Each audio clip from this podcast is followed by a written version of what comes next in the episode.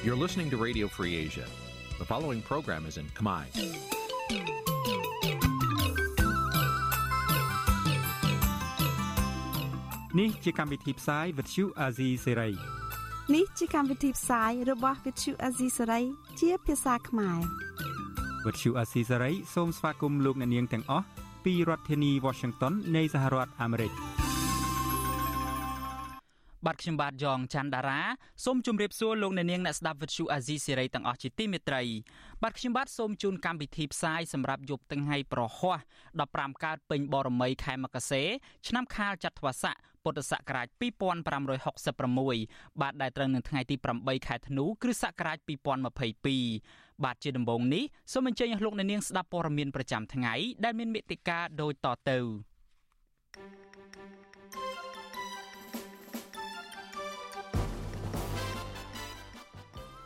តុលាការសហរដ្ឋអាមេរិកមានភ័ស្តុតាងបង្ហាញថា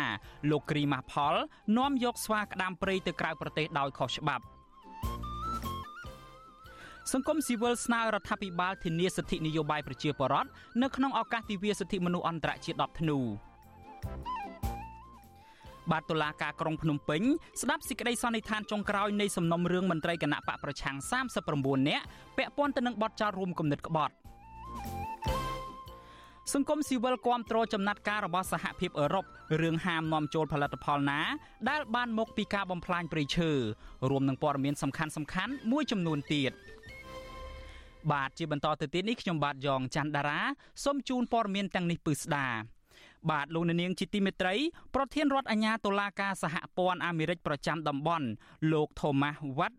Fitzgerald មានវីដេអូដែលជាភស្តុតាងរឹងមាំនៅក្នុងការបញ្ជាក់ថាលោកគ្រីម៉ាស់ផលពិតជាបាននាំយកសត្វស្វាក្តាមព្រៃដែលត្រូវបានគេចាប់ចេញពីព្រៃយកទៅផ្គត់ផ្គង់ឲ្យក្រុមហ៊ុន Vanni Bio Research ដើម្បីនាំចេញទៅលក់នៅក្រៅប្រទេសពិតប្រាកដមែន។ បាទមន្ត្រីអង្គការសង្គមស៊ីវិលយល់ឃើញថារដ្ឋាភិបាល គួរតែសហការស៊ើបអង្កេតជាមួយតុលាការអាមេរិកនិងឈប់ការពីលោកគ្រីម៉ាស់ផលដើម្បីរក្សាមុខមាត់នៅលើឆាកអន្តរជាតិបាទលោកអ្នកនាងនឹងបានស្ដាប់សេចក្តីរាយការណ៍នេះពឺស្ដានៅពេលបន្តិចទៀតនេះ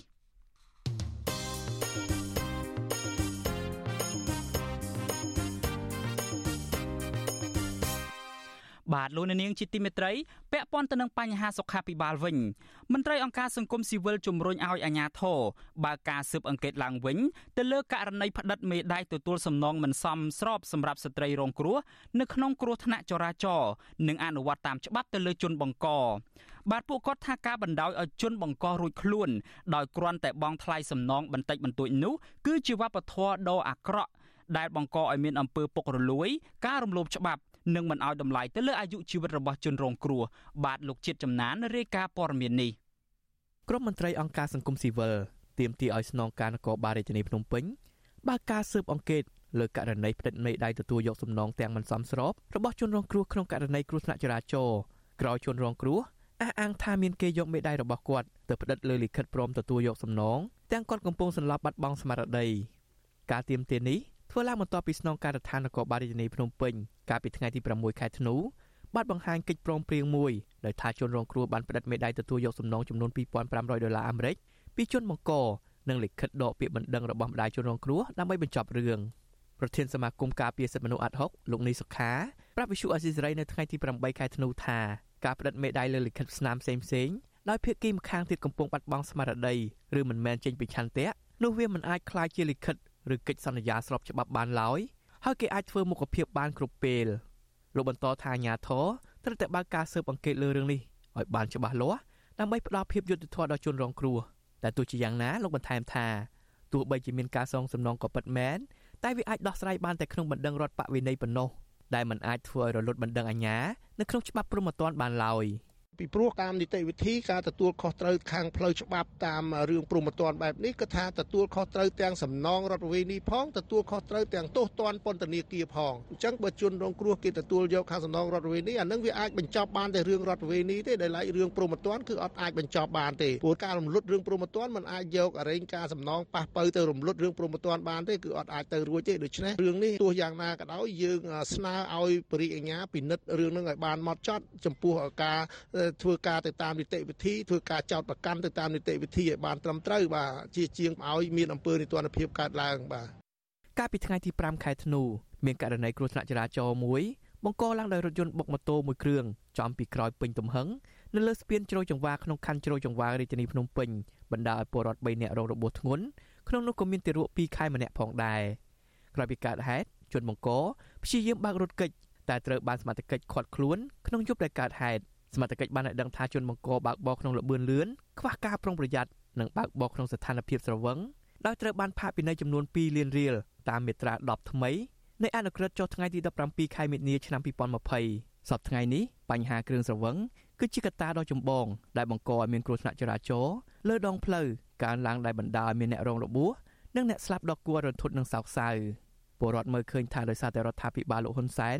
ដឹកនាំប្រទេសលើកទឹកចិត្ត ឲ្យមានការផ្សព្វផ្សាយនិងប្រើប្រាស់គ្រឿងស្រវឹងយ៉ាងកក្រឹកក្រក្រែងដោយគ្មានការកំណត់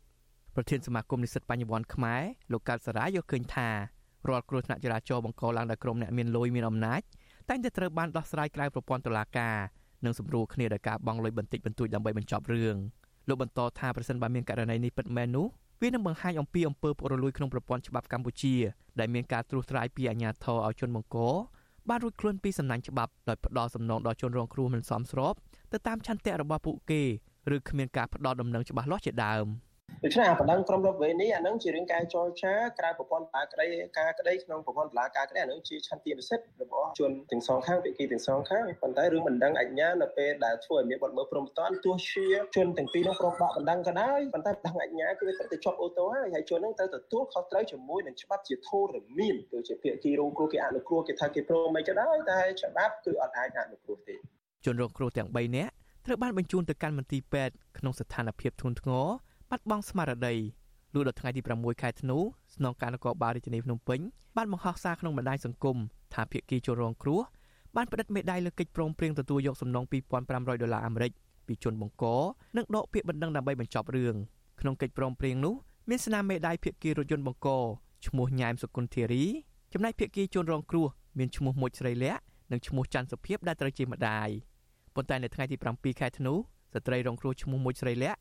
បានប្រាប់សារព័ត៌មាន VOD ថាខ្លួនមិនបានផ្តិតមេដាយលើកិច្ចព្រមព្រៀងនោះឡើយនិងអះអាងថាមានអ្នកយកដៃរបស់នាងទៅផ្តិតលើកិច្ចព្រមព្រៀងនោះក្នុងពេលដែលនាងសន្លប់បាត់បង់ស្មារតីបច្ចុប្បន្នជនរងគ្រោះទាំងម្ដាយនិងទារកកំពុងស្ថិតក្នុងមន្ទីរពេទ្យដើម្បីសង្គ្រោះនិងព្យាបាលតាក់ទងនឹងករណីនេះវិសុអស៊ីសេរីមិនអាចតាក់ទងแนะនាំពាក្យស្នងការដ្ឋាននគរបាលរាជធានីភ្នំពេញលោកសានសុកសីហា ដើម្បីសុំការឆ្លើយតបបានទេនៅថ្ងៃទី8ខែធ្នូតែក្នុងទំព័រ Facebook របស់ស្នងការនគរបាលរាជធានីភ្នំពេញនៅថ្ងៃដដែលនោះបានដកស្រង់សម្ដីរបស់គ្រូពេទ្យដែលជាម្ចាស់ clinic ពន្លឺដែលជនរងគ្រោះឈ្មោះមួយស្រីលក្ខបានទៅសម្រាប់ព្យាបាលរបួសដោយអះអាងថានាងមានស្មារតីគ្រប់គ្រាន់និងបានដើរចូលមកពិនិត្យព្យាបាលដោយខ្លួនឯងមិនមានការសែងចូលនោះទេនិងថាជនរងគ្រោះគ្រាន់តែរបួសត្រង់ក្បាលកនិងភ្នែកការបំភ្លឺរបស់ស្នងការបែបនេះ ត្រូវបានមហាជនរិះគន់ថាគ្រាន់តែជាលេសដើម្បីត្រួសត្រាយផ្លូវឲ្យជនវង្ករួចខ្លួននិងកិច្ចវេះមិនទទួលខុសត្រូវតាមច្បាប់តែប៉ុណ្ណោះហើយការផ្តិតមេដៃនេះធ្វើឡើងខណៈដែលជនរងគ្រោះមានការផិតភ័យនិងមានរបួសនៅឡើយមន្ត្រីសង្គមស៊ីវិលនិងមហាជនលើកឡើងថាករណីគ្រោះថ្នាក់ចរាចរណ៍បង្កឡើងដោយក្រុមអ្នកមានលុយមានអំណាចច្រើនតែមានការសម្របសម្រួលគ្នាដោយសំណងបន្តិចបន្តួចបញ្ចប់រឿងឬទទួលទោសទណ្ឌក្នុងរយៈពេលខ្លីមិនសមនឹងទោសរបស់ពួកគេនោះឡើយជាក់ស្ដែងករណីគ្រោះថ្នាក់ចរាចរណ៍ ដោយបង្កឡើងដោយរថយន្តរបស់អភិបាលខេត្តមណ្ឌលគិរីលោកថងសាវុនដែលបានបុករមាក់ម៉ូតូខ្ទេចបណ្ដាលឲ្យពលរដ្ឋ2នាក់ស្លាប់ភ្លាមៗកាលពីថ្ងៃទី29ខែកញ្ញាហើយមកដល់ពេលនេះសមាជិកមិនទាន់បង្ហាញរបាយការណ៍ស៊ើបអង្កេតគួរឲ្យទុកចិត្តបាននៅឡើយទេហើយអភិបាលខេត្តរូបនេះនៅតែរស់នៅក្រៅសំណាញ់ច្បាប់ករណីគ្រោះថ្នាក់ចរាចរណ៍បុកឲ្យរថនេះកំពុងក្លាយជាវប្បធម៌អាក្រក់មួយនៅកម្ពុជាសូម្បីតែលោកជាមយាបដែលជាអនុប្រធានរដ្ឋាភិបាល មកពីគណៈបកប្រជាជនកម្ពុជាក៏ធ្លាប់បុកអ្នកធ្វើដំណើរតាមដងផ្លូវហើយរត់ដែលបណ្ដាលឲ្យស្ត្រីមានផ្ទៃពោះម្នាក់ស្លាប់និងប្តីរងរបួសធ្ងន់ក្នុងស្រុកគៀនស្វាយកាលពីឆ្នាំ2013មាត្រា85នៃច្បាប់ចរាចរណ៍ថ្មីចែងថាជនណាបើកបរដោយធ្វេសប្រហែសខ្ជិលខ្ជាមិនប្រុងប្រយ័ត្នបណ្ដាលឲ្យអ្នកដទៃស្លាប់ត្រូវផ្តន្ទាទោស1ឆ្នាំទៅ3ឆ្នាំនិងពិន័យជាប្រាក់4លានរៀលទៅ10លានរៀល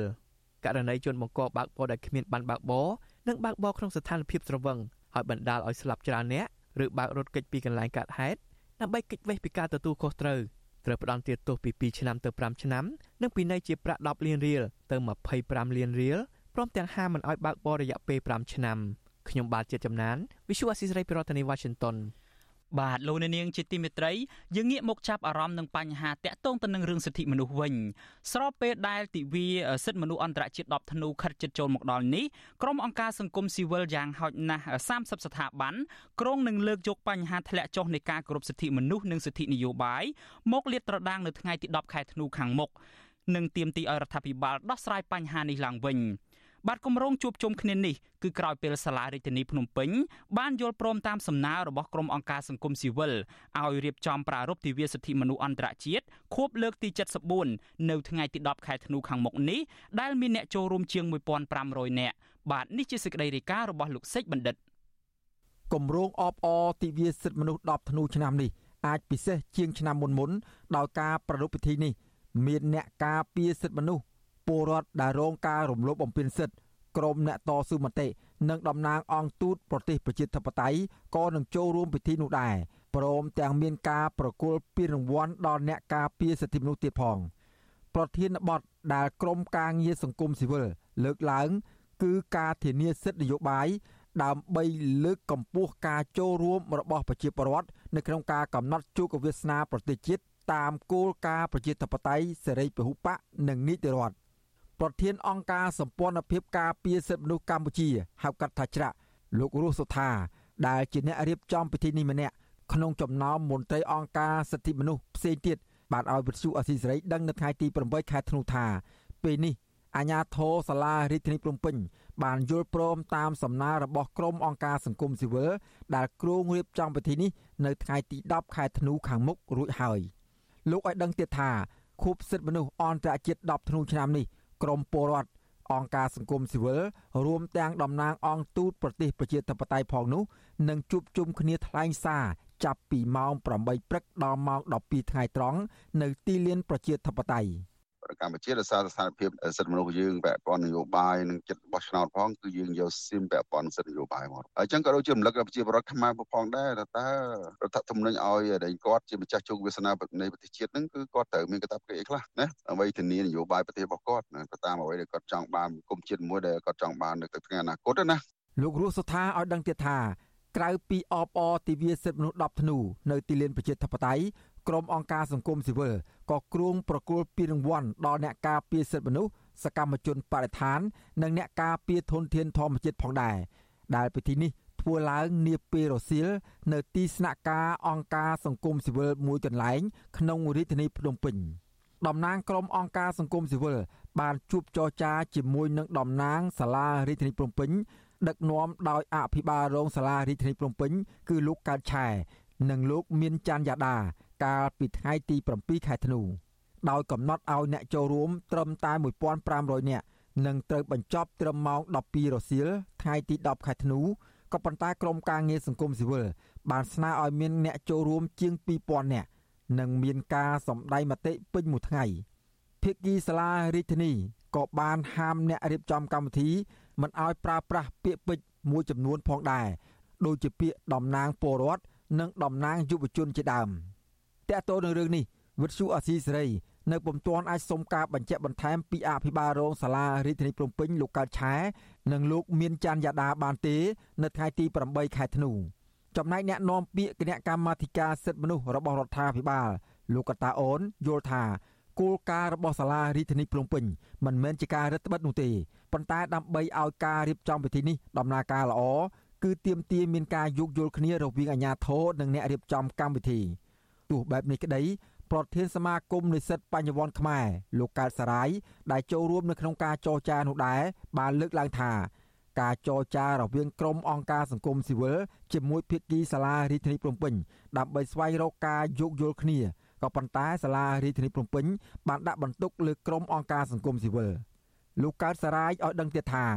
សាររួមរបស់អង្គការសង្គមស៊ីវិលនៅតែរក្សាជំរុញឲ្យមានការចូលរួមពីប្រជាពលរដ្ឋ ដើម្បីសម្រេចជោគវាសនាប្រទេសជាតិឃើញថារឿងសិទ្ធិនេះរឿងសេរីភាពនេះគឺមិនមានអ្នកណាគេដាក់ជើងពៀនឬក៏មានណាគេឲ្យយើងស្រួលស្រួលទេដូច្នេះក្នុងនាមអង្គការសង្គមស៊ីវិលក្នុងនាមសកម្មជនប្រជាពលរដ្ឋដែលស្រឡាញ់រឿងសិទ្ធិសេរីភាពដែលបារម្ភខ្លាចបាត់បង់សិទ្ធិសេរីភាពជាមូលដ្ឋានរបស់ខ្លួនហ្នឹងក៏ក៏ព្យាយាមដូចយើងព្យាយាមធ្វើរាល់សកម្មភាពបង្ហាញពីសិទ្ធិមនុស្សរាល់ការតស៊ូមតិជាសាធារណៈអីផ្សេងៗហ្នឹងគឺសំខាន់ណាស់តកតូននឹងការអបអរទិវាសិទ្ធិមនុស្សអន្តរជាតិ10ធ្នូនេះដែរ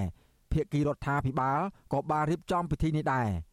អ្នកនាំពាក្យគណៈកម្មាធិការសិទ្ធិមនុស្សរបស់រដ្ឋាភិបាលលោកកតាអូនឲ្យដឹងថា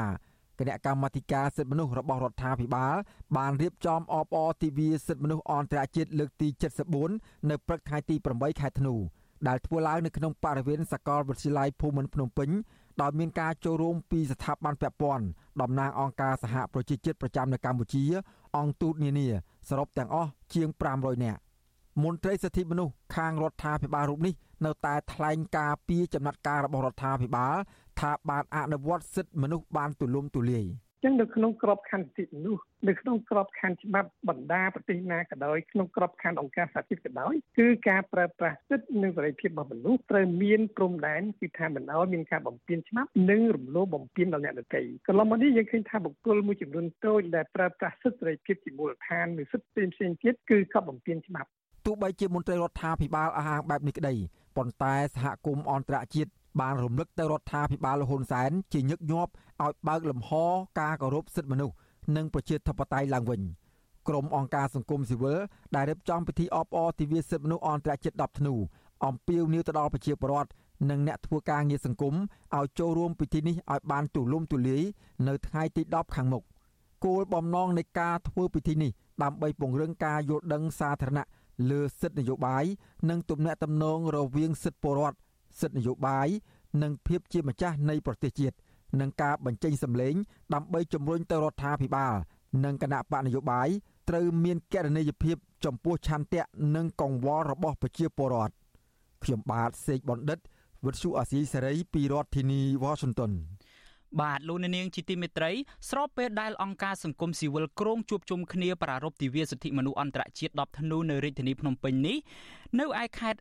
នៅឯខេត្តកំពង់ស្ពឺឯណោះវិញគឺថាប្រជាសហគមន៍នៅខេត្តនេះនៅថ្ងៃទី8ខែធ្នូនេះបានជួបជុំគ្នារៀបចំខួប74ឆ្នាំនៃទិវាសិទ្ធិមនុស្សអន្តរជាតិដើម្បីជាវេទិកាពិភាក្សារវាងប្រជាសហគមន៍កម្មករនិងអាជ្ញាធរមូលដ្ឋាន នៅក្នុងការរួមគ្នាដោះស្រាយបញ្ហាទុកកង្វល់និងតម្រូវការផ្សេងៗរបស់ពួកគាត់ បាទមន្ត្រីអង្គការសង្គមស៊ីវិលស្នើដល់រដ្ឋាភិបាលឲ្យស្ដាប់ទុកកង្វល់របស់ប្រជាពលរដ្ឋនិងដោះស្រាយបញ្ហាប្រឈមទាំងនោះបាទនេះជាសេចក្តីរាយការណ៍របស់លោកទីនហ្សាការីយ៉ាប្រជាសហគមន៍មកពីបណ្ដាស្រុកនានាក្នុងខេត្តកំពង់ស្ពឺជិត1000នាក់បានជួបជុំគ្នាប្រារព្ធទិវាសិទ្ធិមនុស្សអន្តរជាតិនៅឃុំត្រពាំងជោស្រុកអូរ៉ាល់ដែលរៀបចំឡើងដោយសមាគមសហព័ន្ធកសិករកម្ពុជា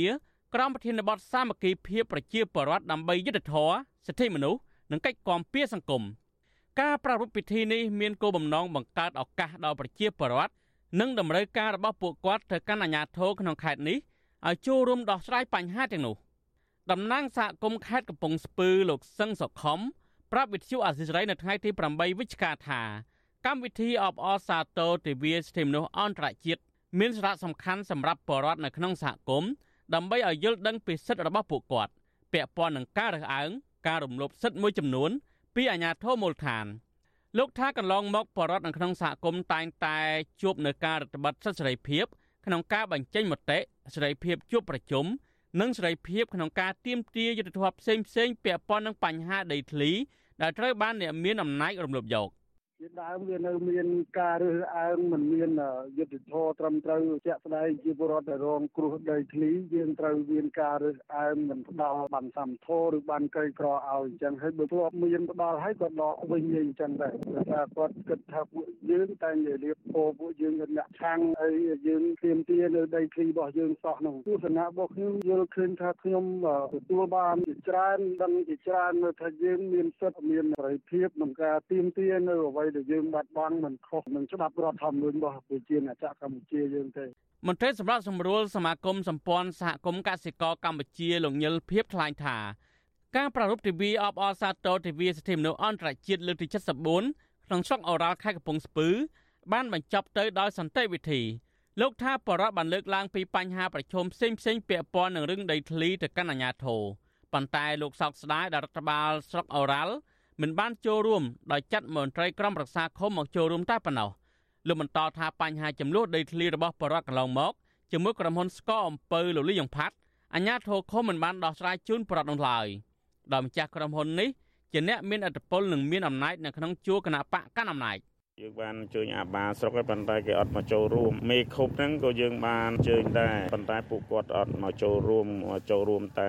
ក្រុមប្រឹក្សាឃុំហើយក្រុមប្រឹក្សាឃុំយើងដឹងហើយគាត់មិនមានលទ្ធភាពអីណាមកដោះស្រាយនៅសំណុំពររបស់ជាប្រវត្តិរឿងបញ្ហាដីធ្លីជាមួយក្រុមហ៊ុនលីយ៉ុងផាតហ្នឹងទេយើងដឹងហើយតែលីយ៉ុងផាតគឺជាសមាជិកព្រឹទ្ធសភាហើយគឺជាអ្នកមាន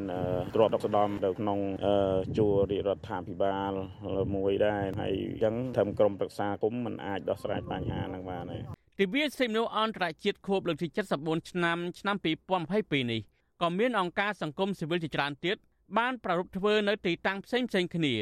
ដូចជាសមាគមបណ្ដាញយុវជនកម្ពុជាសហការជាមួយមជ្ឈមណ្ឌលសិទ្ធិមនុស្សកម្ពុជា អង្គការសមាធរកម្ពុជា និងសមាគមប្រជាធិបតេយ្យឯករាជ្យនៃសេដ្ឋកិច្ចក្រៅប្រព័ន្ធអង្គការទាំងនេះបានរៀបចំយុទ្ធនាការជិះកង់ដើម្បីសិទ្ធិមនុស្សដែលចាប់ពីថ្ងៃទី6ដល់ថ្ងៃទី10ធ្នូដែរ ក្រុមយុវជនប្រមាណជា30នាក់បានជិះកង់ពីខេត្តសៀមរាបចេញពីប្រាសាទអង្គរមកកាន់ទីលានប្រជាធិបតេយ្យនៅក្នុងរាជធានីភ្នំពេញពួកគាត់លើកឡើងថាការជិះកង់នេះដើម្បីជំរុញរដ្ឋាភិបាលកម្ពុជាបដិញ្ញាពង្រឹងការគោរពនិងការពារសិទ្ធិមនុស្សជាពិសេសសិទ្ធិជាមូលដ្ឋានដែលបានកំណត់នៅក្នុងរដ្ឋធម្មនុញ្ញកម្ពុជាហើយត្រូវផ្ដល់សិទ្ធិលំហសេរីភាពពេញលេញដល់សហគមន៍មូលដ្ឋាននិងប្រជាពលរដ្ឋខ្មែរនៅក្នុងការអនុវត្តសិទ្ធិសេរីភាពបញ្ចេញមតិ សិទ្ធិធ្វើបាតកម្មដោយសន្តិវិធី សិទ្ធិជួបជុំសិទ្ធិផ្នែកវិជ្ជាជីវៈការចូលរួមកិច្ចការការពារបរិស្ថាននិងធនធានធម្មជាតិព្រមទាំងការសម្រេចចិត្តក្នុងការចូលរួមការបោះឆ្នោតដោយពុំមានការបង្ខិតបង្ខំជាដើមយុទ្ធនាការជិះកង់ថ្ងៃទី3នៃក្រុមយុវជនបានជិះកង់ដល់ផ្លូវបំបែកស្គុនខេត្តកំពង់ចាមការធ្វើយុទ្ធនាការនេះគ្មានបញ្ហាអ្វីប្រឈមជាដងកំភួនឡើយដែលគ្រាន់តែសមត្ថកិច្ចតាមថតនៅតាមតំបន់នីមួយៗ ឆ្លើយតបនឹងរឿងនេះប្រធានអង្គភិបអ្នកនាំពាក្យរដ្ឋាភិបាលអះអាងថាការលើកឡើងរបស់ប្រជាពលរដ្ឋគឺជាសិទ្ធិបញ្ចេញមតិហើយរដ្ឋាភិបាលតែងតែយកចិត្តទុកដាក់ចំពោះអ្វីដែលប្រជាពលរដ្ឋបង្ហាញពីតម្រូវការរបស់ពួកគាត់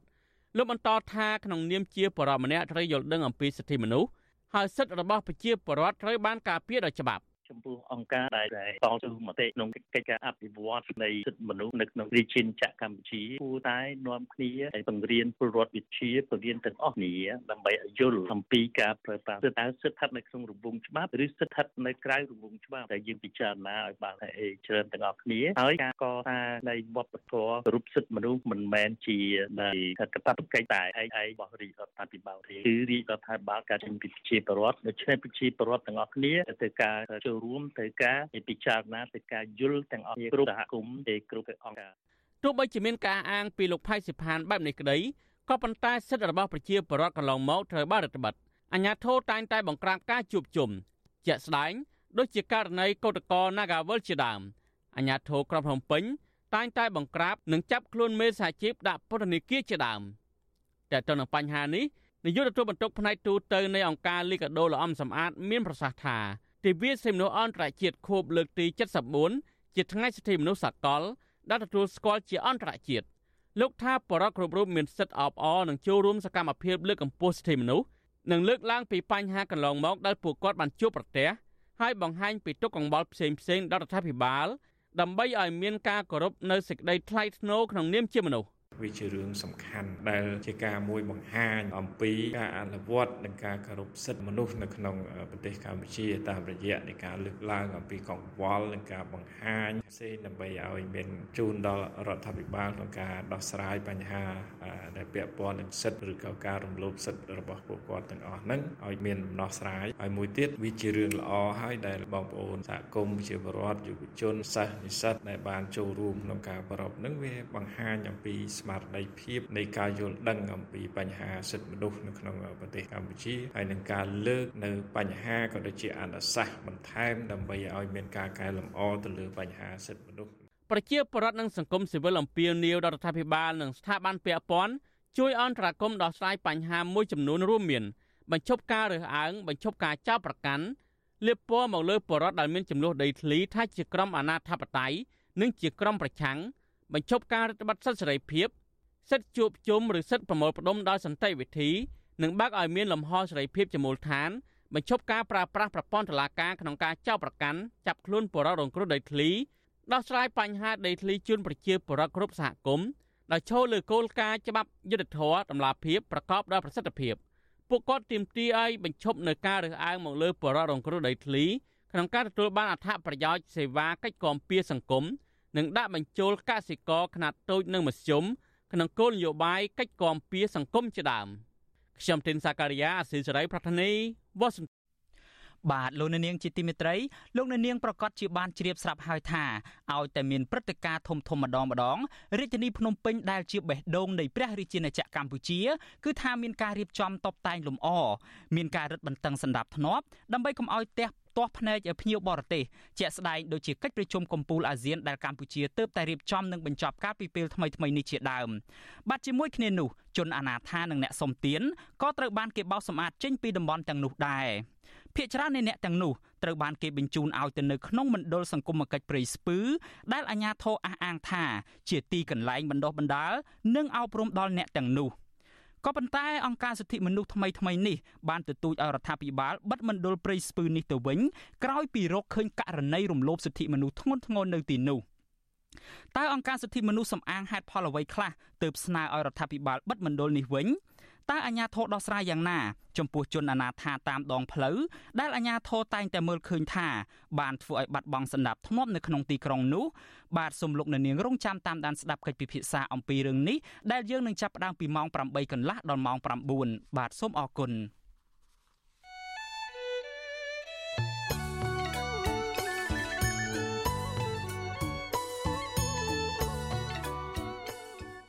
បាទលោកនាងជាទីមេត្រីដំណើរគ្នានឹងស្ដាប់ការផ្សាយ Vuthu Azizi Series នៅតាមរយៈបណ្ដាញសង្គម Facebook និង YouTube លោកនាងក៏អាចតាមដានស្ដាប់ការផ្សាយរបស់យើងនៅតាមរយៈរលកធាតុអាកាសខ្លីគឺថាតាមកម្រិតនិងកម្ពស់ដូចតទៅនេះបាទពេលព្រឹកចាប់ពីម៉ោង5កន្លះដល់ម៉ោង6កន្លះតាមរយៈរលកធាតុអាកាសខ្លីឬមួយក៏យើងហៅថាប៉ុស SW 9.39 MHz ស្មើនឹងកម្ពស់ 32m និងប៉ុស SW 11.85 MHz ស្មើនឹងកម្ពស់ 25m ពេលយប់ចាប់ពីម៉ោង7កន្លះដល់ម៉ោង8កន្លះតាមរយៈប៉ុស SW 9.39 MHz ស្មើនឹងកម្ពស់ 32m ប៉ុស SW 11.88 MHz ស្មើនឹងកម្ពស់ 25m និងប៉ុស SW 15.15 MHz ស្មើនឹងកម្ពស់ 20m បាទសូមអរគុណ បាទលោកអ្នកនាងជាទីមេត្រីយើងងាកមកចាប់អារម្មណ៍រឿងក្តីក្តាំនៅឯតុលាការឯនេះវិញសាលាដំបងរាជធានីភ្នំពេញនៅថ្ងៃទី8ខែធ្នូនេះបានបន្តបើកសវនាការជំនុំជម្រះលើសំណុំរឿងសកម្មជននិងថ្នាក់ដឹកនាំគណៈបកប្រឆាំង39នាក់ពាក់ព័ន្ធទៅនឹងបទចោទរួមគំនិតក្បត់ដោយការស្ដាប់សេចក្តីសន្និដ្ឋានបញ្ចប់លើអង្គសេចក្តីបាទជាមួយគ្នានេះជនជាប់ឃុំស្នើឲ្យតុលាការ ទម្លាក់ចោលការចោតប្រកាន់និងដោះលែងពួកគេឲ្យមានសេរីភាពវិញដោយឥតលក្ខខណ្ឌបាទលោកជីវិតារាយការណ៍ពឹស្ដារអំពីរឿងនេះសវនាការទ្រង់ទ្រាយធំនៃសំណុំរឿងថ្នាក់ដឹកនាំនិងសកម្មជនបកប្រឆាំងចំនួន39រូបពាក់ព័ន្ធនឹងគម្រោងវិលចូលស្រុករបស់អនុប្រធានបកប្រឆាំងអ្នកស្រីមូសុខួរឈានដល់លើកទី9ហើយដោយលើកមុនមុនដែរសមត្ថកិច្ចដឹកជនជាប់ឃុំចូលស្ដាប់សវនាការតែ3នាក់ប៉ុណ្ណោះ រួមមានលោកគង់ម៉ាស់លោកវឿងសំណាង និងលោកខាន់ប៊ុនផេងចំណែកសកម្មជននឹងថ្នាក់ដឹកនាំបកប្រឆាំងចំនួន36នាក់ទៀតតុលាការមិនបានកោះហៅពួកគេមកចូលរួមសវនាការទេនេះជាសវនាការធ្វើសេចក្តីសន្និដ្ឋានបញ្ចប់អង្គសេចក្តីដោយតំណាងអัยការនៃសាលាដំបងរាជធានីភ្នំពេញលោកសេងហៀងស្នើដល់តុលាការឲ្យរក្សាការចោទប្រកាន់ដដែលចំណែកក្រុមមេធាវីការពារក្តីឲ្យជន់ជាប់ចោទវិញ ធ្វើសេចក្តីសន្និដ្ឋានស្នើដល់តុលាការឲ្យលើកលែងការចោទប្រកាន់មេធាវីការពារក្តីឲ្យសកម្មជនបកប្រឆាំងលោកសំសុគង្គមានប្រសាសន៍ថា នៅចំពោះមុខក្រុមប្រឹក្សាជំនុំជម្រះក្រុមមេធាវីរបស់លោកបានលើកឡើងអំពីភាពមិនច្បាស់លាស់នៃផុសតាងដាក់បន្ទុក ដែលមិនអាចជឿជាក់បាន លោកថាផុសតាងដែលតុលាការលើកយកមកចោទប្រកាន់រួមគំនិតក្បត់នោះគឺពុំមានពាក់ព័ន្ធនឹងអង្គហេតុសោះឡើយលោកបញ្ជាក់ថា លោកបានស្នើឲ្យប្រធានក្រុមប្រឹក្សាអង្គជំនុំជម្រះគឺអ្នកស្រីអុករ៉េតគុន្ធាទម្លាក់ចោលការចោទប្រកាន់លើកូនក្តីរបស់លោកក៏ប៉ុន្តែតំណាងអាយកាបានស្នើសុំឲ្យមានការចោទប្រកាន់ផ្ដន្ទាទោសនិងដាក់លក្ខខណ្ឌមួយចំនួនពាក់ព័ន្ធនឹងការដាក់ទោសបន្ថែមក្រុមមេធាវីនៅតែយ ល់ល់ឃើញថាផោះតាងក៏ដូចជាឯកសារមួយចំនួនវាស្ថិតនៅក្នុងវិមតិសង្ស័យដែលនៅក្នុងភាពវិបត្តិសង្ស័យភាពសុពិសុពិលនៃផោះតាងដាក់បន្ទុកនេះហើយដែលធ្វើឲ្យក្រមមេធាវីស្នើសុំឲ្យតុលាការដើម្បីធ្វើការពិនិត្យពិចារណាឲ្យបានល្អិតល្អន់ជាពិសេសគឺស្នើសុំឲ្យតុលាការធ្វើការលើកលែងទោសទម្លាក់បទចោទបានថាឲ្យជនជាប់ចោទទាំងអស់បានលើកខ្លួនពីបទចោទរួមមួយក្បត់ដែលបានប្រព្រឹត្តនៅក្នុងឆ្នាំ2020កន្លងមកនេះ ជាមួយគ្នានេះដែរជួនជាប់ឃុំក៏បានស្នើសុំឲ្យតុលាការទម្លាក់ការចោទប្រកាន់និងដោះលែងពួកគេឲ្យមានសេរីភាពឡើងវិញដោយឥតលក្ខខណ្ឌប្រពន្ធលោកវឿងសំណាង គឺលោកស្រីទៀងចិន្តាថ្លែងថា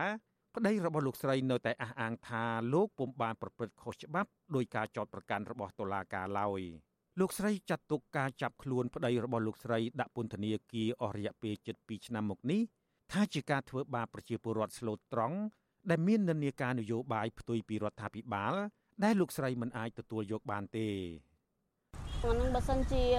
តឡាការមិនទម្លាក់រាល់ការចោទទាំងអស់ទេសម្រាប់គ្រួសារខ្ញុំគឺមានទុកលំបាកខ្លាំងដោយសារបង្គោលគ្រួសារនៅតែជាប់ក្នុងពន្ធនាគារគ្មានអ្នក ចំហអញ្ចឹងខាងខ្ញុំជាភរិយានឹងគឺមិនសប្បាយចិត្តហើយក៏មិនទទួលយកនៅការដែលគេកាត់ទោសដូចថាបើសិនជាគេមិនទម្លាក់រកការចោទហ្នឹងណាចាសម្រាប់ខ្ញុំគឺមិនសប្បាយចិត្តទេសំណុំរឿងនេះមានសកម្មជននិងថ្នាក់ដឹកនាំគណៈបកសង្គ្រោះជាតិទាំងអស់39នាក់រួមមានលោកសំរៀងស៊ីអ្នកស្រីមូសុខួរលោកអេងឆៃអៀងនិងមនុស្សមួយចំនួនទៀតដែលពួកគេកំពុងភៀសខ្លួននៅក្រៅប្រទេស តុលាការបានចោទប្រកាន់ពួកគេពីបទរួមគំនិតក្បត់ពាក់ព័ន្ធនឹងគម្រោងការវិលចូលស្រុករបស់អ្នកស្រីមូសុខួរនិងថ្នាក់ដឹកនាំគណៈបកសង្គ្រោះជាតិដើម្បីចូលទៅតតាំងក្តីនៅចំពោះមុខតុលាការកាលពីឆ្នាំ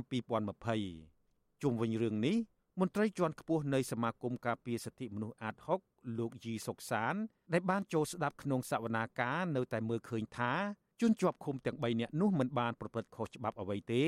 ដូច្នេះតុលាការគួរតែដោះលែងពួកគេឲ្យមានសេរីភាពឡើងវិញលោកបញ្ជាក់ថាសមត្ថកិច្ចក៏មិនមានភស្តុតាងច្បាស់លាស់ដើម្បីដាក់បន្ទុកលើសកម្មជនគណបកប្រឆាំងនោះដែរ ហើយខ្ញុំគិតថាក្នុងនាមសង្គមស៊ីវិលថាបើសិនជារឿងនឹងពាក់ព័ន្ធទៅរឿងរឿងនយោបាយគួរតែដោះស្រាយតាមផ្លូវនយោបាយហើយកុំយកតឡាការដែលឯករាជ្យមួយយកមកកាត់ទោសប្រជាជនដែលគាត់អត់មានកំហុសនេះធ្វើឲ្យគាត់ឈឺចាប់រហូតដែលធ្វើឲ្យសង្គមនឹងវាសម្បូរទៅទៅមនុស្សដែលឈឺចាប់ដោយសាររឿងអយុត្តិធម៌បាទនៅខាងក្នុងបន្ទប់តុលាការក៏មានវត្តមានមន្ត្រីអង្គការសហប្រជាជាតិនិងតំណាងអង្គការសង្គមស៊ីវិលនានាឃ្លាំមើលសវនាការនេះយ៉ាងយកចិត្តទុកដាក់ ចំណែកនៅខាងក្រៅតុលាការវិញ មានការពង្រាយសមត្ថកិច្ចប្រមាណ20នាក់ការពារសន្តិសុខនៅជុំវិញបរិវេណតុលាការ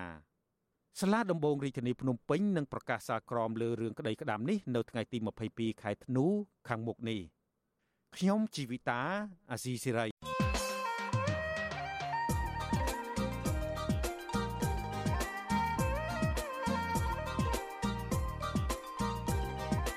លោកនាងជាទីមេត្រីរដ្ឋាភិបាលលោកហ៊ុនសែនសែននៅចុងអាណត្តិទី6នេះបានចាប់យកវិស័យកសិកម្មជាចំណុចផ្ដើមមួយនៅក្នុងចំណោមយុទ្ធសាស្ត្រនយោបាយដទៃទៀតដើម្បីតេទៀងការគ្រប់គ្រងពីប្រជាពលរដ្ឋនៅក្នុងគោលដៅបន្តកាន់អំណាចនៅអាណត្តិទី7បន្តទៀត។ បាទចំណុចចាប់ផ្ដើមនៃយុទ្ធសាស្ត្រនេះគឺរដ្ឋាភិបាលបានព្យាយាមកែតម្រង់ថ្នាក់ដឹកនាំនៅក្នុងក្រសួងកសិកម្មនិងបានអូសទាញអ្នកនយោបាយនិងជាអ្នកជំនាញកសិកម្មពីគណៈបកផ្សេងទៀតឲ្យមកចូលរួមដំណើរនយោបាយរបស់ខ្លួនតើការកែតម្រង់វិស័យកសិកម្មជួយដល់កសិករដើម្បីយកចិត្តម្ចាស់ឆ្នោតនេះនឹងទទួលបានជោគជ័យឬមួយក៏យ៉ាងណា បាទនេះគឺជាប្រធានបទដែលយើងនឹងពិភាក្សានៅក្នុងវេទិកាអ្នកស្ដាប់វិទ្យុអាស៊ីសេរីនាយប់ថ្ងៃសុក្រស្អែកនេះ បាទសំលោកអ្នកនាងរងចាំស្ដាប់សេចក្តីនេតិវេទិកាអ្នកស្ដាប់នេះកុំបីខានបាទប្រសិនបើលោកអ្នកនាងមានសំណួរឬមួយក៏ចង់បញ្ចេញមតិយោបល់នៅក្នុងកម្មវិធីនេះលោកអ្នកនាងអាចដាក់លេខទូរស័ព្ទរបស់លោកអ្នកនាងនៅក្នុងខ្ទង់ comment Facebook និង YouTube របស់ Vithu Azizi Serai បាទក្រុមការងាររបស់យើងនឹងហៅទៅលោកអ្នកនាងវិញបាទសូមអរគុណ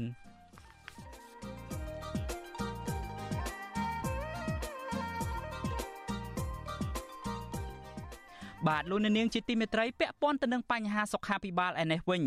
ក្រសួងសុខាភិបាល បានសម្រេចបិទមិនអោយមន្ទីរសម្រាប់ព្យាបាលដើមអង្ក្រងមិនអោយផ្ដល់សេវាសុខភិបាលតទៅទៀតនោះទេ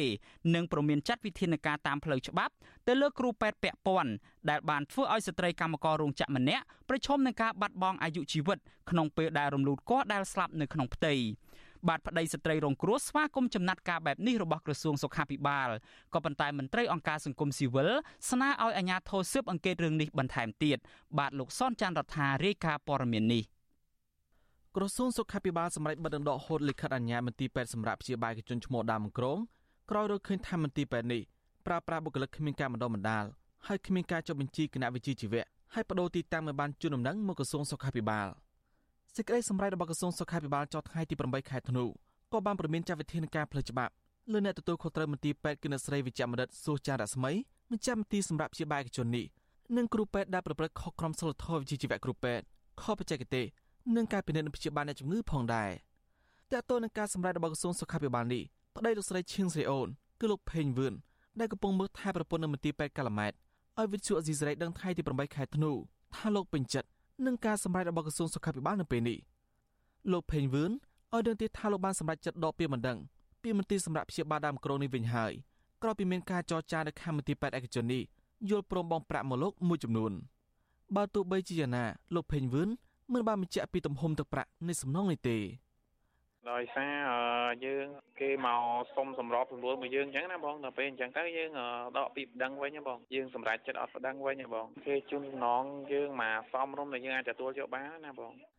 តាក់ទងរឿងនេះអ្នកនាំពាក្យសមាគមការពារសិទ្ធិមនុស្សអាត់ហុកលោកសង្សានករណាយល់ថាការដកពាក្យប្តឹងរបស់ជនរងគ្រោះនេះគឺជាសិទ្ធិរបស់ជនរងគ្រោះក្នុងការទទួលសំណងរដ្ឋបវេនីប៉ុន្តែចំពោះម្ដងរបស់អាញាធរមិនអាចផុតរលត់ដោយសារការដកពាក្យម្ដងរបស់ជនរងគ្រោះបានទេ មន្ត្រីសង្គមស៊ីវិលជំរុញទៅតំណាងអាយកានិងស្ថាប័នពាក់ព័ន្ធគួរស៊ើបអង្កេតករណីនេះដោយយកចិត្តទុកដាក់ដើម្បីជំរះមន្ទិលសាធារណជនដែលកំពុងតាមដានរឿងនេះ បណ្ដឹងអាជ្ញាគួរតែខាងព្រះរាជអាជ្ញាគួរតែមានការស្រាវជ្រាវស៊ើបអង្កេតក្នុងរឿងហ្នឹងឲ្យប្រកាសថាតើបញ្ហាហ្នឹងកើតឡើងដោយយ៉ាងម៉េចណាពេទ្យហ្នឹងគាត់ធ្វើឡើងដោយមានកំហុសរបៀបម៉េចដើម្បីធ្វើឲ្យបញ្ជាក់ទៅដល់អ្នកដែលតាមដានទៅលើបញ្ហាសង្គមហ្នឹងឲ្យគេអស់ចិត្តថាតើគ្រូពេទ្យហ្នឹងគាត់បានធ្វើអីដោយសារតែគាត់មិនយល់មិនដឹងដោយសារតែការធ្វេសប្រហែសរបស់គាត់ដោយរបៀបម៉េចដែលបណ្ដាលឲ្យស្ត្រីម្នាក់ហ្នឹងគាត់រងគ្រោះដោយសារតែវិជាជីវៈពេទ្យហ្នឹង ស្ត្រីជាកម្មកររោងចក្រឈ្មោះឈៀងស្រីអូនអាយុ22ឆ្នាំប្រឈមនឹងគ្រោះថ្នាក់ដល់អាយុជីវិតក្រោយពីមន្ទីរសម្រាប់ព្យាបាលដើមក្រងបានរំលោភកកក្នុងផ្ទៃដោយគ្រូពេទ្យវះកាត់ដាច់ពោះវៀនហើយប៉ះពាល់ដល់ស្បូនស្ត្រីរំនេះយ៉ាងធ្ងន់ធ្ងរប្រធានសហព័ន្ធសហជីពកម្ពុជាអ្នកស្រីយ៉ាងសុផាន់យល់ថាការបិទ clinic ទាំងស្រុងមិនមែនជាដំណោះស្រាយយងវែងនោះទេស្ត្រីមេដឹកនាំសហជីពរំនេះយល់ថាក្រសួងសុខាភិបាលគួរមានការកែលម្អលើវិស័យនេះដើម្បីឲ្យឲ្យគ្រូពេទ្យផ្ដល់សេវាសុខភាព ប្រកបដោយក្រមសីលធម៌វិជ្ជាជីវៈហើយមិនត្រូវមើលលុយជាមុនទើបសម្រាប់ព្យាបាលអ្នកជំងឺនោះទេធម្មតាប្រទេសយើងមានច្បាប់ជាទូទៅបើសិនណាគាត់អនុវត្តផ្ទុយពីវិជ្ជាជីវៈរបស់គាត់មិនយកចិត្តទុកដាក់ធ្វើឲ្យអ្នកជំងឺមានបញ្ហារហូតដល់បាត់បង់ជីវិតខ្ញុំគិតថាទីមួយយើងត្រូវប្រើច្បាប់នៅក្នុងការអនុវត្តពីពួកគាត់ថាដាក់វិន័យគាត់ដាក់ទោសគាត់ទៅតាមផ្លូវច្បាប់អីចឹងណាហើយបើសិនណាល្អចំណុចល្អមួយទៀតគឺអាចថាណែនាំគាត់ឲ្យគាត់អនុវត្តឲ្យបានល្អប្រសើរជាងនឹងណាជុំវិញការលើកឡើងនេះ វិទ្យុអេស៊ីសេរីមិនអាចសំការឆ្លើយតបពីអ្នកនាំពាក្យក្រសួងសុខាភិបាលអ្នកស្រីវិជ្ជបណ្ឌិតអាវ៉ាន់ឌិនបាននៅឡើយទេនៅថ្ងៃទី8ខែធ្នូមកទល់ពេលនេះស្មារតីនឹងមិនតបានខកខ្លួនអ្នកទទួលខុសត្រូវករណីលោកស្រីឈៀងស្រីអូនមកប្រន់ទោសនៅឡើយទេខ្ញុំសនចាររថាវិទ្យុអេស៊ីសេរីរាយការណ៍ពីរដ្ឋធានីវ៉ាស៊ីនតោន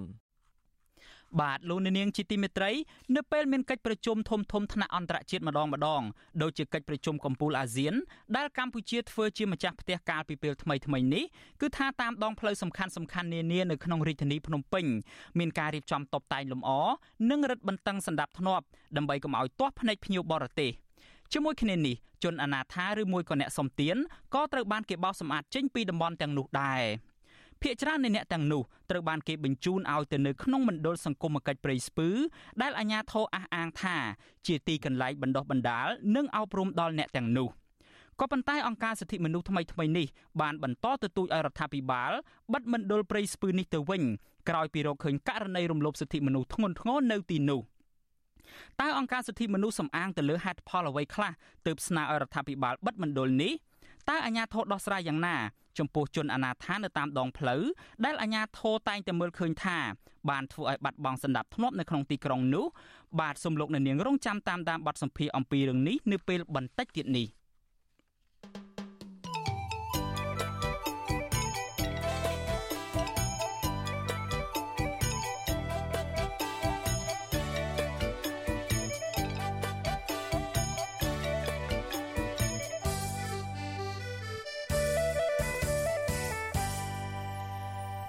លោកនាងជាទីមេត្រីយើងងាកមកចាប់អារម្មណ៍ទៅនឹងបញ្ហាជួញដូរមនុស្សនិងបង្ខាំងមនុស្សខុសច្បាប់ឯនេះវិញក្រមជនរងគ្រោះបរទេសដែលធ្លាប់ត្រូវបានគេបោកបញ្ឆោតមកប្រទេសកម្ពុជា បានរៀបរាប់ពីប្រតិបត្តិការឆបោកនិងអំពើព្រៃផ្សៃដែលក្រមអ ுக ្រិតជនបានធ្វើមកលើពួកគាត់ ជនរងគ្រោះទាំងនោះឲ្យដឹងថាក្រុមអ ுக ្រិតជនបានបង្ខាំងពួកគាត់ទុកនៅក្នុងខេត្តប្រសេះហនុដើម្បីធ្វើសកម្មភាពបោកប្រាស់អ្នកដទៃទៀតតាមប្រព័ន្ធអ៊ីនធឺណិតបាទសូមលោកអ្នកនាងទស្សនាបទយកការអំពីរឿងនេះរបស់លោកនៅវណ្ណរិនដូចតទៅខេត្តព្រះសីហនុធ្លាប់ជាកន្លែងស្រស់ស្អាតស្ងប់ស្ងាត់សម្រាប់ភ្ញៀវទេសចរមកកំសាន្តបានប្រែក្លាយជាតំបន់វិនិយោគដ៏សំខាន់សម្រាប់អ្នកវិនិយោគជនជាតិចិន បច្ចុប្បន្នខេត្តជាប់មាត់សមុទ្ររបស់កម្ពុជាមួយនេះត្រូវបានពិភពលោកស្គាល់ថាជាតំបន់បនលបែងនិងជាជង្រុកនៃបទឧក្រិដ្ឋនានាប្រព្រឹត្តដោយជនជាតិចិនមួយចំនួន ដែលឆក់ឱកាសកេងយកផលប្រយោជន៍ពីភាពទន់ខ្សោយនៃការអនុវត្តច្បាប់នៅកម្ពុជាលបែងនឹងការឆបោកអនឡាញគឺជាមុខរបរដ៏ធំមួយរបស់ពួកអ ுக ្រិតជនទាំងនោះពេលដែលខ្ញុំមកដល់ទីនេះទើបដឹងថាវាយឺតពេលទៅហើយដើម្បីរត់គេច 嗰时冇怀疑佢嘅。不过我有啲 friend 咧就话ពេលនោះខ្ញុំមិនបានសង្ស័យគេទេ ហើយមិត្តភ័ក្តិខ្ញុំខ្លះបានប្រាប់ខ្ញុំឲ្យប្រុងប្រយ័ត្នខ្លួនដោយថាមានជនបោកប្រាស់តាមប្រព័ន្ធអនឡាញច្រើនណាស់ជនរងគ្រោះជាច្រើនមកពីប្រទេសចិនហុងកុងវៀតណាមថៃនិងប្រទេសដទៃទៀត ត្រូវបានក្រុមអ ுக ្រិតជនលួងលោមអូសទាញយកមកបម្រើផលប្រយោជន៍របស់ខ្លួន ដែលមន្ត្រីអង្គការសហប្រជាជាតិហៅថាជាការរស់នៅ ក្នុងឋានរួជនរងគ្រោះត្រូវបានអ ுக ្រិតជនដកហូតលុយនិងលិខិតឆ្លងដែន ដែលធ្វើឲ្យពួកគាត់ពិបាករត់គេចខ្លួនលោកលូគឺជាឈ្មោះដែលក្រុមបណ្ដាញសារព័ត៌មានដាក់ឲ្យដើម្បីការពារសវត្ថិភាពពេលផ្ដាល់បទសម្ភាសដល់អ្នកសារព័ត៌មាន ដូចជនរងគ្រោះដទៃទៀតលោកលូត្រូវបានគេឆោបបោកមកធ្វើការសំណង់នៅក្នុងខេត្តព្រះសីហនុដោយគេសន្យាថាឲ្យប្រាក់ខែច្រើនក៏ប៉ុន្តែលោកនិងមនុស្សជាច្រើនរយនាក់ផ្សេងទៀតត្រូវបានក្រុមអ ுக ្រិតជនឃុំឃាំងក្នុងអាគារមួយដើម្បីធ្វើប្រតិបត្តិការឆោបបោកជនរងគ្រោះផ្សេងទៀតស្នាមជាប់នៅតែអត់ទាន់បាត់ទេ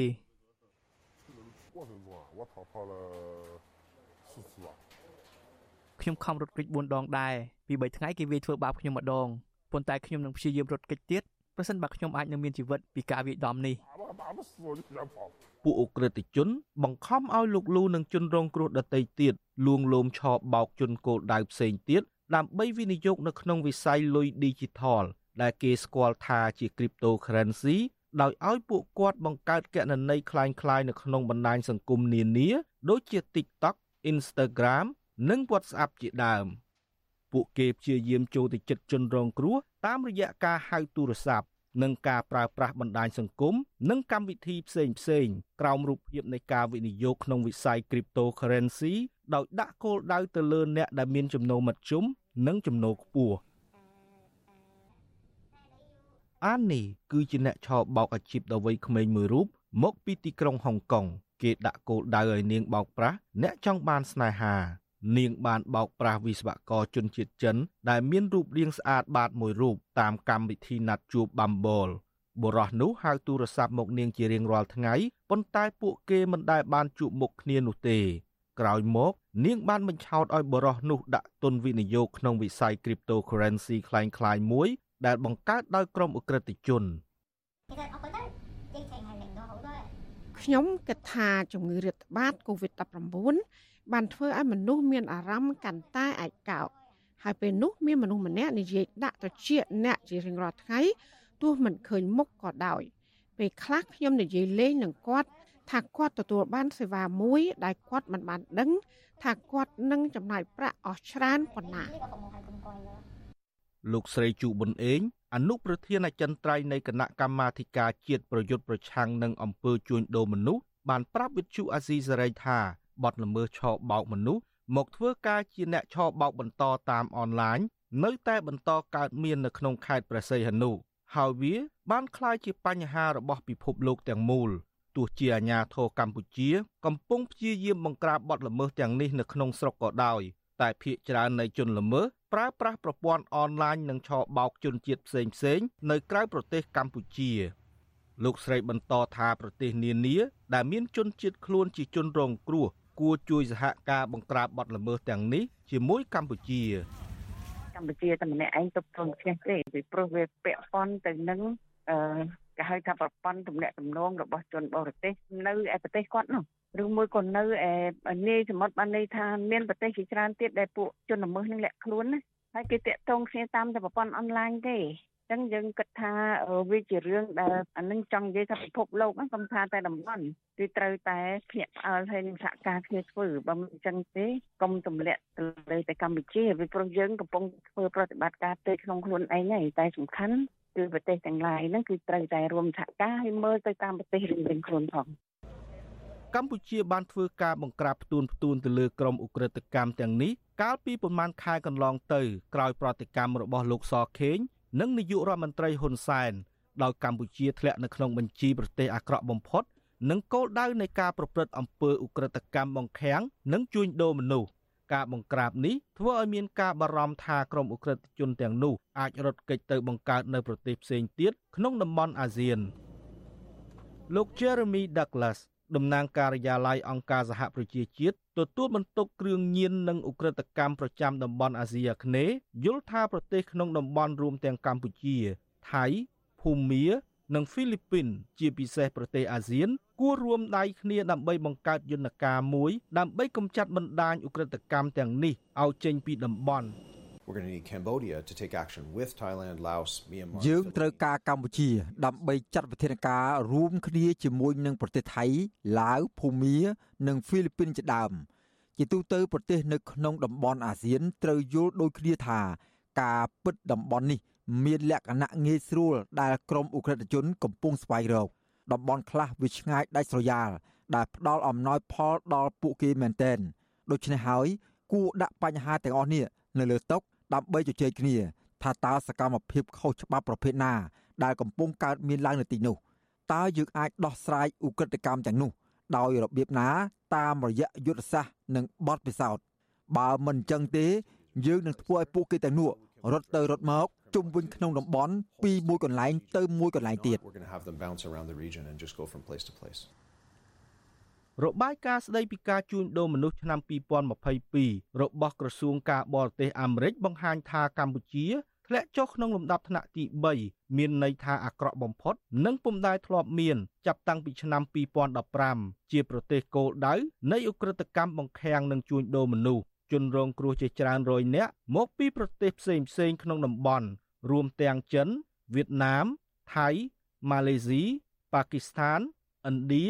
មីយ៉ាន់ម៉ាហ្វីលីពីន និងជនជាតិកូរ៉េខាងត្បូងជាដើមត្រូវបានអ ுக ្រិតជនចាប់បង្ខាំងជំរិតទាប្រាក់ឬឲ្យប្រព្រឹត្តអំពើឆបោកតាមប្រព័ន្ធអ៊ីនធឺណិតខ្ញុំបាទនៅវណ្ណរិន with Chu Azizi Saray ពីរដ្ឋធានី Washington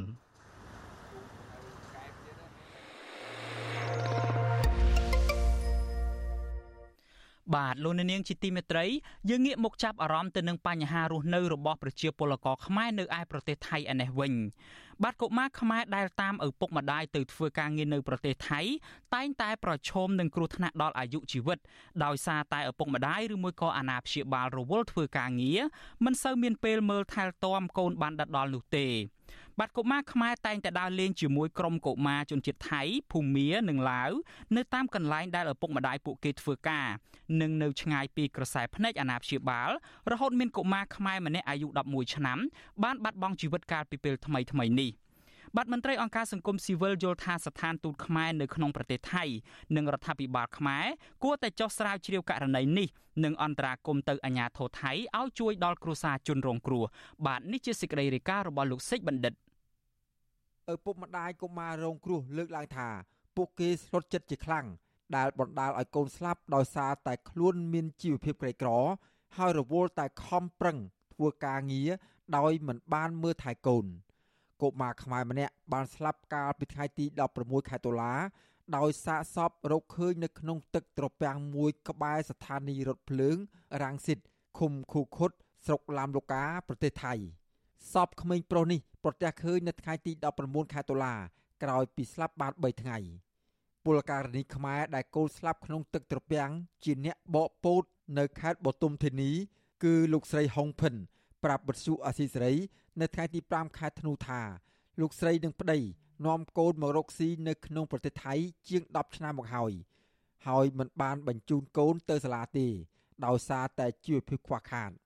ស្ត្រីដែលមានស្រុកកំណើតនៅស្រុកមូលរស័យខេត្តបាត់ដំបងរូបនេះក៏សម្រេចចិត្តឲ្យកូនស្រី នៅជួយធ្វើការរកប្រាក់ដោះស្រាយបញ្ហាជីវភាពគ្រួសារឯកូនប្រុសអាយុ11ឆ្នាំ តែងទៅដើរលេងជាមួយកុមារជនជាតិថៃភូមា ប្រហែលជា8នាក់ស្រាប់តែឃើញស្លាប់នៅក្នុងទឹកកាលពីថ្ងៃទី19តុលាលោកស្រីបញ្ជាក់ថា កូនប្រុសលោកស្រី ដែលស្លាប់នោះគឺនៅលើដងខ្លួន ស្មានិងមាត់មានស្នាមរបួសលោកស្រីថា កូនលោកស្រីមិនមែនស្លាប់ដោយសារលង់ទឹកនោះទេព្រោះកូនរបស់ខ្លួនចេះហែលទឹក លោកស្រីស្នើសុំឲ្យប៉ូលីសធ្វើកសលវិច័យរកហេតុផលកូនស្លាប់ដើម្បីឲ្យអស់ចិត្តតែពុំមានលុយគ្រប់គ្រាន់បង់ឲ្យប៉ូលីសថៃដើម្បីធ្វើកសលវិច័យនោះទេលោកស្រីស្នើដល់ស្ថានទូតខ្មែរនៅប្រទេសថៃឲ្យជួយរកយុទ្ធធរឲ្យកូនលោកស្រីផង។ ចង់ឲ្យគេជួយថាឲ្យគេចង់ឲ្យគេស៊ើបឲ្យថាកូនខ្ញុំនឹងលងទឹកមែនឬអត់តែខ្ញុំមិនជឿទេលោកគ្រូខ្ញុំចិត្តជាម្ដាយខ្ញុំអត់ជឿទេលោកគ្រូ100%លោកគ្រូ100%លោកគ្រូខ្ញុំអត់ជឿថាកូនខ្ញុំលងទឹកទេលោកគ្រូបើសពលងទឹកហេតុអីក៏មានស្នាស្នាមកកឈាមកកជួមចឹងវោមាត់បែកពេលលើកមកលោកគ្រូលើកមកចេញពីក្នុងទឹកខ្ញុំទៅឈ្ងោកមើលបានតិចគេទាញខ្ញុំមកវិញមកគេមិនឲ្យទេខ្ញុំចិត្តម្ដាយខ្ញុំចង់ហក់លោតអោបកូនខ្ញុំលោកស្រីហុងភិនបន្តថាលោកស្រី នៅតែមិនទាន់អស់ចិត្តពីការស្លាប់របស់កូនព្រោះមានកុមារជនជាតិភូមាអាយុ10ឆ្នាំម្នាក់បានមកលុតជង្គង់និងកុមារជនជាតិថៃ7នាក់ដែលមានអាយុចន្លោះពី12ទៅ15ឆ្នាំ មកសំពះសូមឲ្យលោកស្រីលើកលែងទោសដោយគេបានសារភាពថា បានប្រឡែងលេងជាមួយនឹងកូនរបស់លោកស្រី និងបានបោះស្បែកជើងកូនលោកស្រី ចូលទៅក្នុងទឹក បន្ទាប់មកកូនលោកស្រីក៏ចុះហែលទៅយកស្បែកជើងនោះ។ ក្រុមកុមារនោះបានអះអាងឲ្យដឹងថាពួកគេឃើញកូនលោកស្រីលង់ទឹកស្លាប់ស្ត្រីរូបនេះបានរៀបរាប់ទៀតថា នៅថ្ងៃបុណ្យសពកូន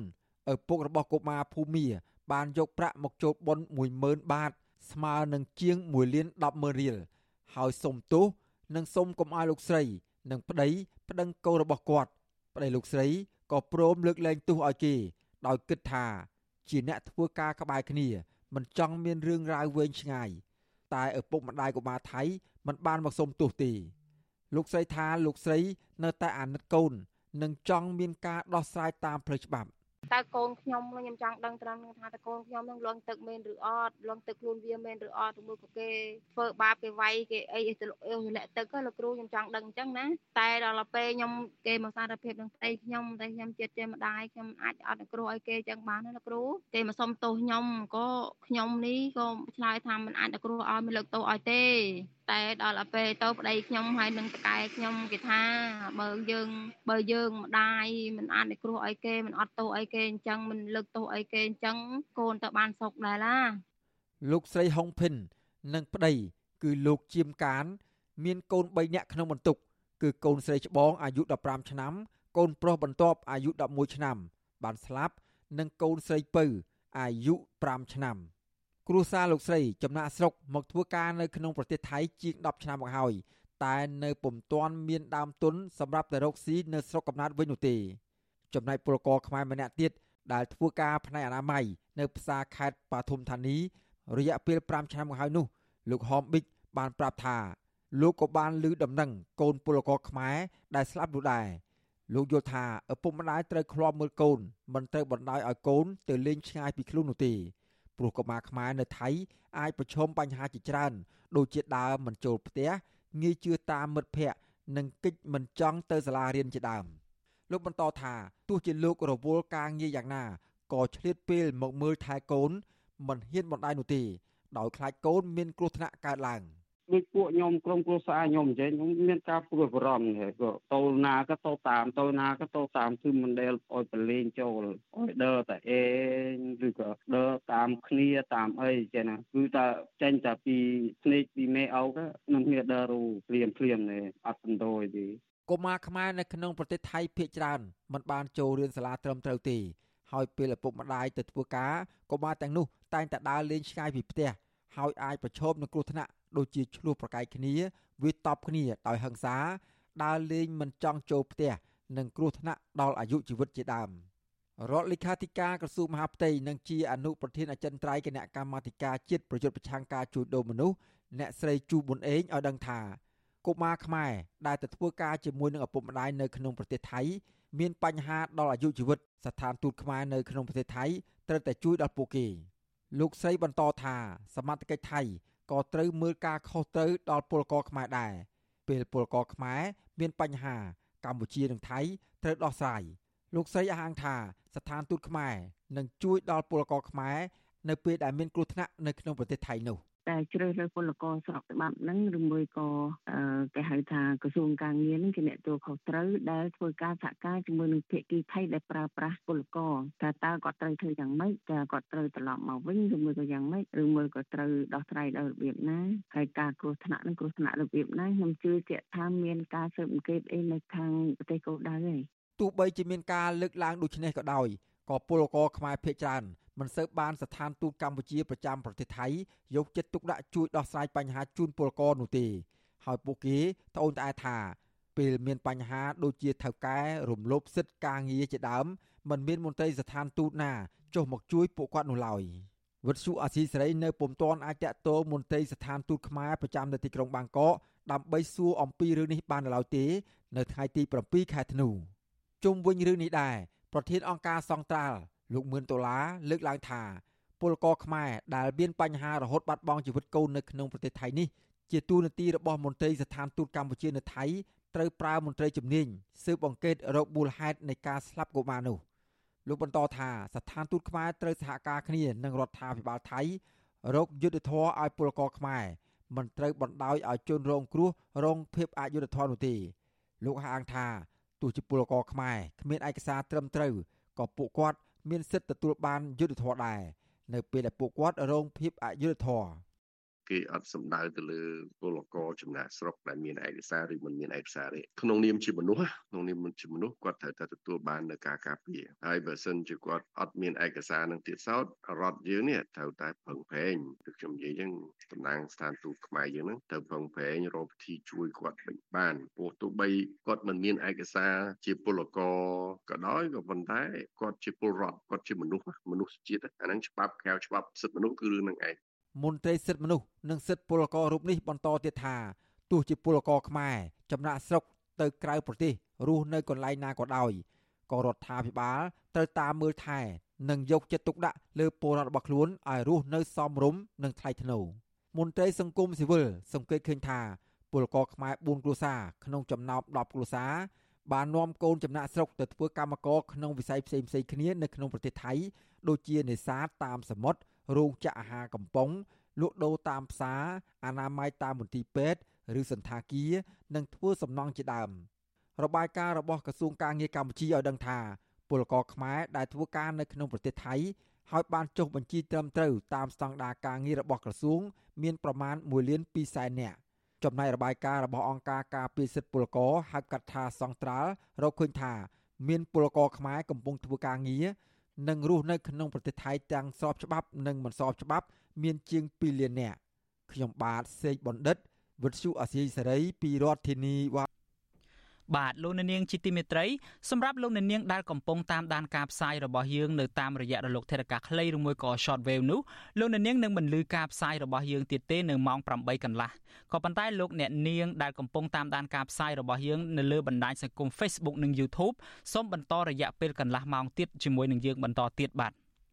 បាទលោកអ្នកនាងជាទីមេត្រីរដ្ឋអាជ្ញាតុលាការសហព័ន្ធអាមេរិកប្រចាំតំបន់មានវីដេអូជាភស្តុតាងរឹងមាំនៅក្នុងបញ្ការបញ្ជាក់ថាមន្ត្រីជាន់ខ្ពស់ក្រសួងកសិកម្មកម្ពុជាគឺលោកគ្រីម៉ាស់ផលពិតជាបាននាំយកសត្វស្វាក្តាមដែលត្រូវបានគេចាប់ពីព្រៃយកទៅផ្គត់ផ្គង់ដល់ក្រុមហ៊ុន Vanni Bio Research ដើម្បីនាំចេញទៅលក់នៅក្រៅប្រទេសពិតប្រាកដមែន។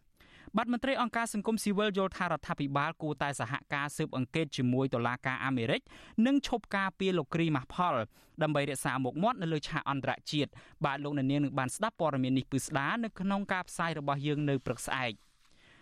បាទលោកនាងជាទីមេត្រីក្រុមអង្គការសង្គមស៊ីវិលគាំទ្រចំណាត់ការរបស់សហភាពអឺរ៉ុបដែលបានឯកភាពលើកិច្ចព្រមព្រៀងហាមផលិតផល ដែលបំផ្លាញព្រៃឈើ ពួកគាត់រំពឹងថាវិធានការនេះនឹងរួមចំណែកទប់ស្កាត់ការរុករានទន្ទ្រានព្រៃឈើទ្រង់ទ្រាយធំដើម្បីយកដីធ្វើកសិកម្មដោយក្រុមអ្នកមានអំណាចនិងអុកញ៉ាដែលខົບខិតជាមួយមន្ត្រីរដ្ឋាភិបាលកម្ពុជាលោកនាងនឹងក៏នឹងបានស្ដាប់សេចក្តីរាយការណ៍នេះពឺស្ដារនៅពេលក្រោយដែរបាទបាទលោកនាងជាទីមេត្រីលោកនាងទៅតែបាន